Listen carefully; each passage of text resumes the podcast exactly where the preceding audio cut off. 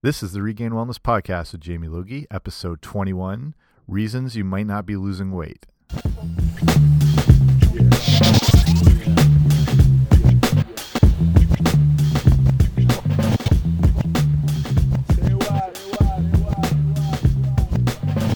Hey guys, what's happening? Welcome back to the podcast. I'm recording this on Monday. The this is around 2:30 in the afternoon and this podcast will come out on a Tuesday, but holy crap, what a Super Bowl. Um if you watched it, obviously you know what I'm talking about from giant tigers to surfboards to Missy Elliott to one of the craziest games you'll see in a long time. I actually called, well, didn't call this, but if you listen to my last episode, episode 20, I make my Super Bowl prediction before the game where I'm like, if you're listening to this after, I can't believe Seattle won that way, or I can't believe New England won that way, not knowing it would actually come through in an absolute gong show of a final, but incredible. And we probably won't forget this one for a long time.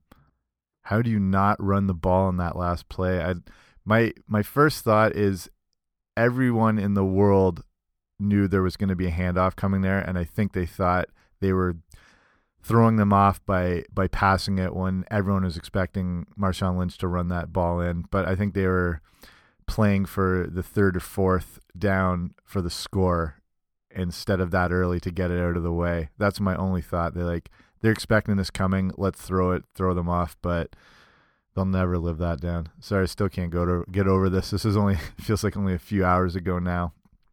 I have no allegiance to Seattle or New England, but as a sports fan, that's what that's why we watch sports, isn't it? So, the episode today we're talking about difficulties with losing weight. So, some people get underway with a weight loss program, losing when we're talking weight loss, we want to specifically lose body fat. It's easy to lose weight, but you want to lose the right kind of weight. You lose too much water weight too fast, you're more likely to put it back on. You want slow and steady body fat loss progress, which isn't going to happen rapidly. It's going to happen slowly over time.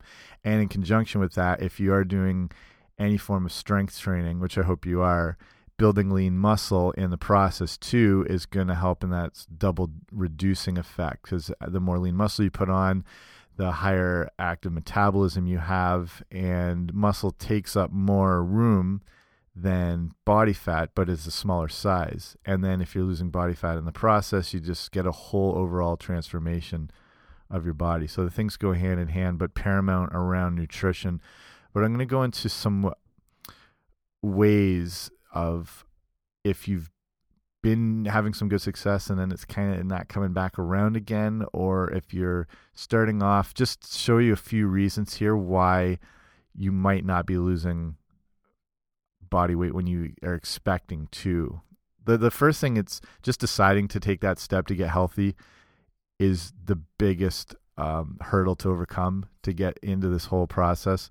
So just the fact like if you're listening to this, you obviously have an interest in in your health and wellness. So that's just a huge great start and I congratulate you on getting underway with it. But it is overwhelming and you're like where do you start? There's so much information out there trying to add in new lifestyle changes, new foods. I talk about this in other podcasts, and Arnold will in further ones. So the idea is to build in slow, steady habits. Don't take on too much at once, as you're just likely to abandon all those right away. And a lot of studies are showing that we aren't really able to multitask like we believe we are and some I'll put a study up an article that was from the Wall Street Journal discussing that whole thing and we are better suited to adapt gradual change. So building up a habit and then letting it slowly develop. And there's always the idea of the 21 days to build a habit which has kind of become an ingrained um, thought in in culture and society but actually kind of if you look back at where this comes from it's there was a doctor in the in the 50s who was a plastic surgeon and he was noticing that when his patients had work done they obviously were having a new appearance and a new face and a new look to them and he said on average it would take around three weeks for them to become comfortable with what they saw in the mirror with this sort of new reflection looking back at them So then he started thinking, would that apply to him and his own practice and his own skill set? And he did a lot of studies and research, and he was founding he found out that it took at least 21 days to help develop a new ability or new skill, and the keyword being at least. But the, this book uh, that he wrote came out in the 60s, and it was very popular and picked up by a lot of um, health or new age and self improvement people like Tony Robbins and whatever. And they just jumped on this 21 day thing. But he was saying at least 21 days, where it actually looks more along the lines of two months to fully develop an ingrained new habit where you don't have to think about it anymore. So I don't think you necessarily need to wait two months before you add in new things, but you want to give new habits. Like if you haven't been drinking a lot of water before, slowly building that in and giving yourself a week or two before you add in a new habit where if you haven't been eating a lot of say greens or salads adding in at least one or two you know decent salads a day to get that beneficial greens in you. So if you if you take on a million habits at once it's just going to set yourself up for failure. But keep in mind that it's a, a slow gradual process. And then if, when you look back over time all of a sudden you have this whole new healthy lifestyle and it was a lot easier to come about it than you thought it was. So just getting underway with the process is the biggest step. So I just want to congratulate you on that. I encourage you to keep moving forward. But I'm going to look at a few things here that might be holding you back in weight loss pursuits or sabotaging them a little bit. So the first one is going to be not eating enough. And this is probably one of the biggest misconceptions in weight loss and in getting healthy. It seems simple enough that if you start eating less, you'll automatically lose weight. But when you see how the body treats that, you'll hopefully think again before drastically cutting back calories and food. Your body needs to be in a state of balance. If you're cold, your body what does your body do? Starts to shiver to get warm. If you're tired, your body starts to slow down as it craves sleep. When you start to deprive yourself of food, your body compensates by also slowing your metabolism. So, since calories are being consumed sparingly at this point, the body will start to expend energy less in order to preserve the few precious calories it has. It's a, a primitive mechanism that's been in us since we've been around to balance our stuff ourselves. So if you remember back to high school and science and homeostasis and that state of balance, that's what our body's always striving to have. This really cutting back on calories too much and depriving yourself can really grind weight loss to a halt as the body is now trying to desperately hold on to what it has, making each pound you're potentially going to lose a longer and longer and harder process. So the flip side then is when an abundance of food is then introduced back into the diet, which is honestly eventually going to happen after you've been trying to restrict food for that long.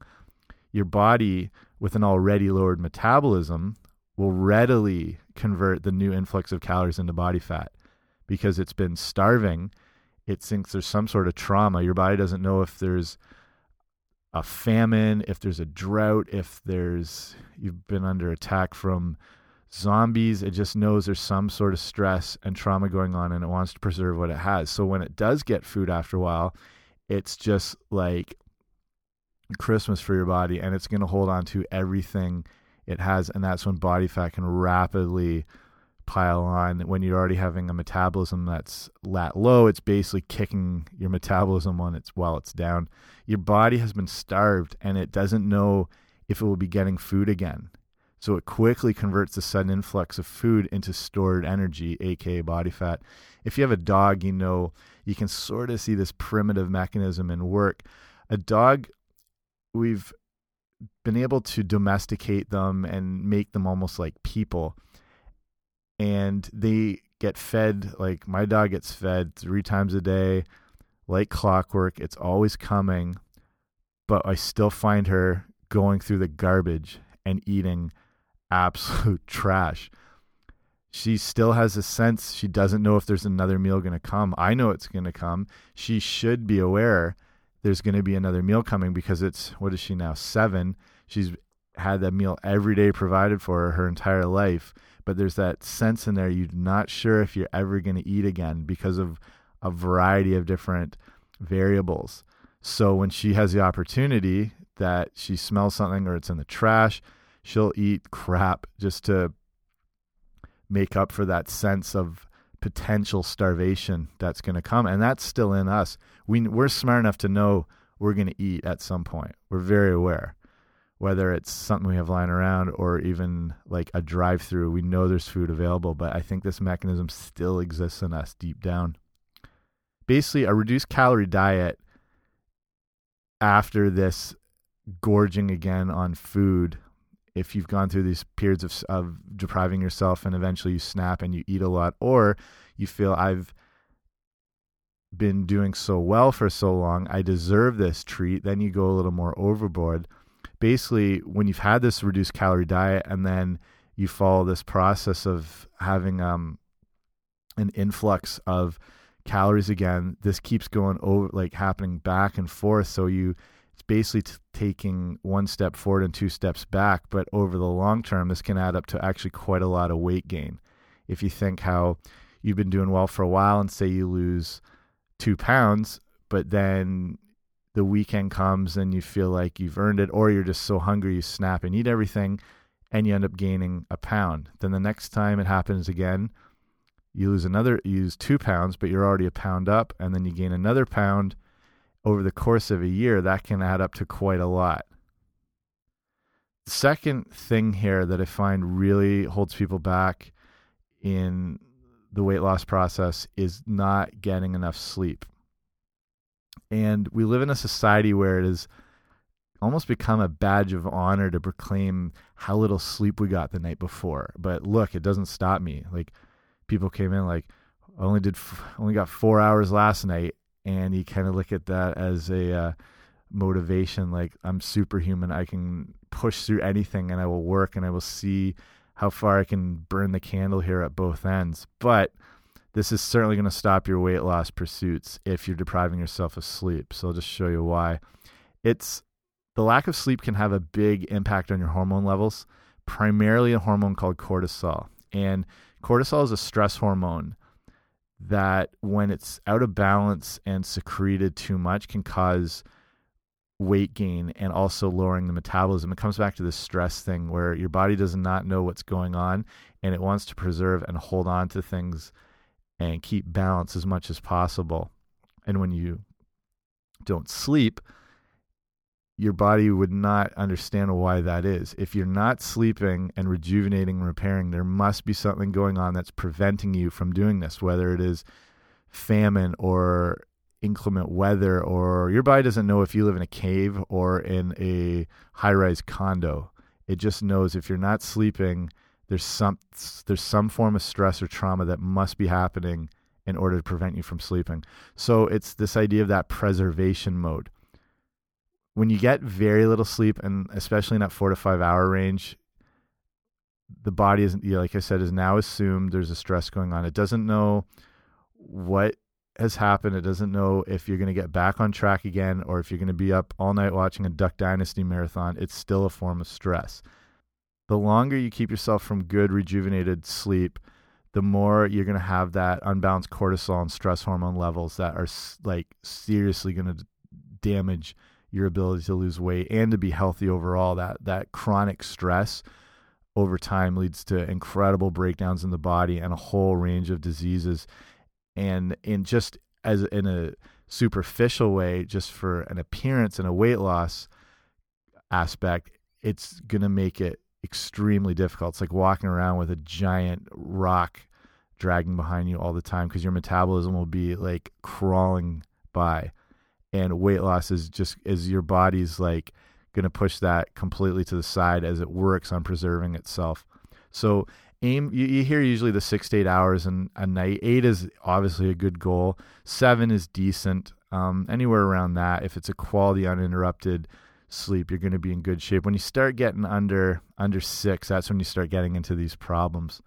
So the other thing as well is sleep is used as well to metabolize and burn off those stress hormones. So it's going to be helping you in a multitude of ways. I'm going to get more into stress as well as another reason you might not be losing weight. So sleep, you're inadvertently sabotaging your efforts because of the stress issue. But sleep is something you do have to do eventually. It's just getting into a good habit and getting good regular sleep. But I'm just going to look at regular daily stress as to why that will sabotage weight loss pursuits. So it's becoming apparent, like I've been saying before, the chronic stress is responsible for quite a lot of diseases and illnesses. And I'll list off a few here in a minute. But at the moment, it's around 43% of adults suffer adverse health effects from stress. And it's becoming what they call the real silent killer. Here's a list of just some of the effects. I've covered these before, but here's a, a few of the severe effects of chronic stress on the body. So you got stroke, you've got heart disease, you've got hypertension, you got diabetes, anxiety, irritable bowel syndrome, insomnia, which throws that whole sleep cycle just on its head. You got depression, and then ultimately you got the weight gain and obesity that comes from this. So it's you, you can see the vicious cycle, as they say, that occurs from one of these ailments having effect on another that comes back again on itself. So it's really you've got, I mean, these are horrible conditions as as it is, but it's the effects of stress are twofold in this weight loss pursuit. It's it's creating those effects in the body that will allow weight loss to become excruciatingly hard, while at the same time it's causing weight gain itself. It's just how all these functions seem to happen. And reducing stress in your life, it's not only going to be beneficial for your your waistline and your appearance, but your overall entire health and wellness. So here's a few steps that are you can take to help reduce and remove stress from your life. There's a, a multitude of different things, but the ones that seem to always make a positive impact will be like first off the sleep it metabolizes those stress hormones away. It's when we recover, repair ourselves. Exercise, obviously, which hopefully you're doing, and things like yoga, which are something I've been getting into lately, is doing the uh, hot yoga classes, which are really beneficial again for calming the body down, relieving stress. If you base your diet around real whole foods, real fresh foods, real lots of greens, fibers, healthy fats, clean proteins. That's really going to help in helping to remove a lot of those stress hormones from the body. Eliminate, like it goes without saying, but eliminating junk and preservative preservative laden foods or food like products are going to help. Meditation is very effective. Recognizing what stresses are in and out of your control. Psychologists will say this is an important step to realize what things you can control yourself and which are out of your control. And when you are able to acknowledge those, it actually can help you come to terms with certain things and actually creates a better mindset that enables you to deal with stress better. Deep breathing exercises are really important. They we we we tend to be shallow breathers in society. We don't get that deep diaphragm uh, extending breaths that help oxygenate all the cells. We tend to do short little breaths like that. It, it, it's slower, deeper, and longer breaths that are important. And taking some time out where if you do feel stressed, taking a minute, focusing on a deep inhale for around a count of four, and then holding that for a few seconds, and then slowly exhaling it over at least another four, five, or six seconds, and doing that whole process you know, at least five to 10 times will just calm your body down and help it cope and deal with stress. So these things really only scratch the surface. You can listen more episode I did about stress for a little for some more tips and some more insights into the whole thing, which I'll link into the show notes, which will be any things I've referenced today will be uh, regainedwellness.com slash 021. So they are, it is, like I said, scratching the surface, but it encourages you, hopefully, I've encouraged you to explore all the different options that you can do to deal with your stress. And when you're going at it here, this is just the last tip I'll focus on is we've talked about over strenuating the body. And this is where when people are in pursuit of, of weight loss, they tend to over exercise too much. And that is going to be related with the whole idea of traumatizing your body and overstressing it. So to the point it's not going to be able to recover or rejuvenate or repair. And again, all those stress hormones will be elevated. See, this all comes back to the idea of, of stress on the body and the stress hormones that cause us to become ill and to, like I said, on a superficial level, lower your metabolism and prevent the weight loss, which is your goal. So, over exercising is one of the main culprits in doing that. So, you want to build in whatever your, your exercise program is, whether it's you're playing squash or strength training or yoga or CrossFit, whatever, build in those, plug in those uh, rest days, which are extremely key. And it's something I've really embraced more in the last few years. I've my whole life played competitive sports and gone really hard in the gym. And the more I've learned to take those days off, especially when you feel it, it's not going to make you weaker or lose your strength. You're actually going to come back stronger and fitter because you give your body a chance to totally repair, feel a little more rejuvenated, and then you're able to go harder the next time in whatever activity you're doing.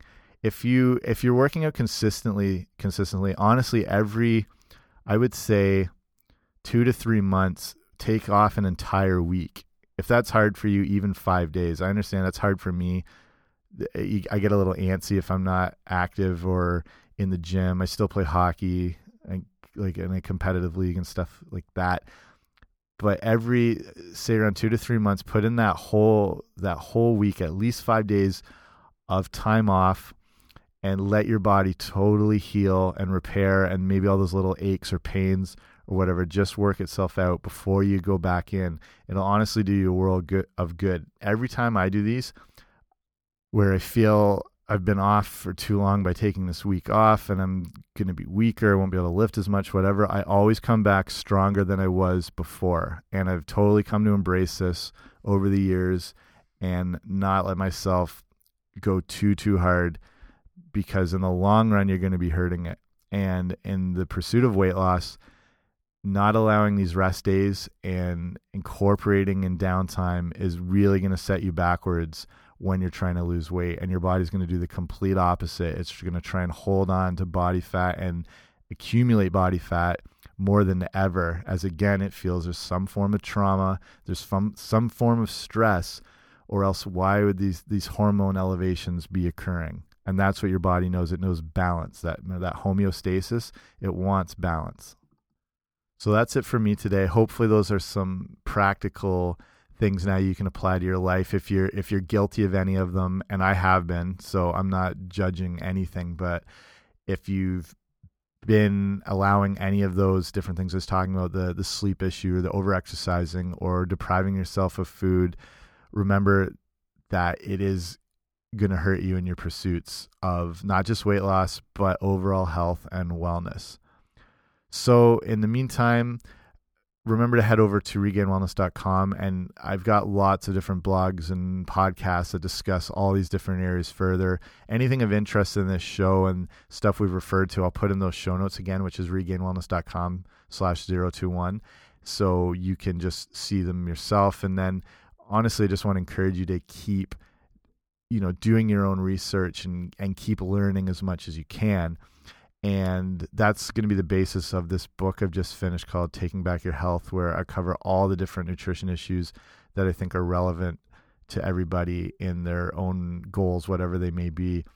And I'll have that coming up soon. And I'll just lead you to where that's going to be available. I'm going to have some different packages done. There's going to be an audiobook format of everything. So in the meantime, though, you can go to regainedwellness.com slash guide and you can sign up there for the email newsletter, which gives you uh, a short ebook for free, which is includes a bunch of what we've talked about today, but some different foods you can add in that are beneficial for high nutrition, cleansing, detoxifying.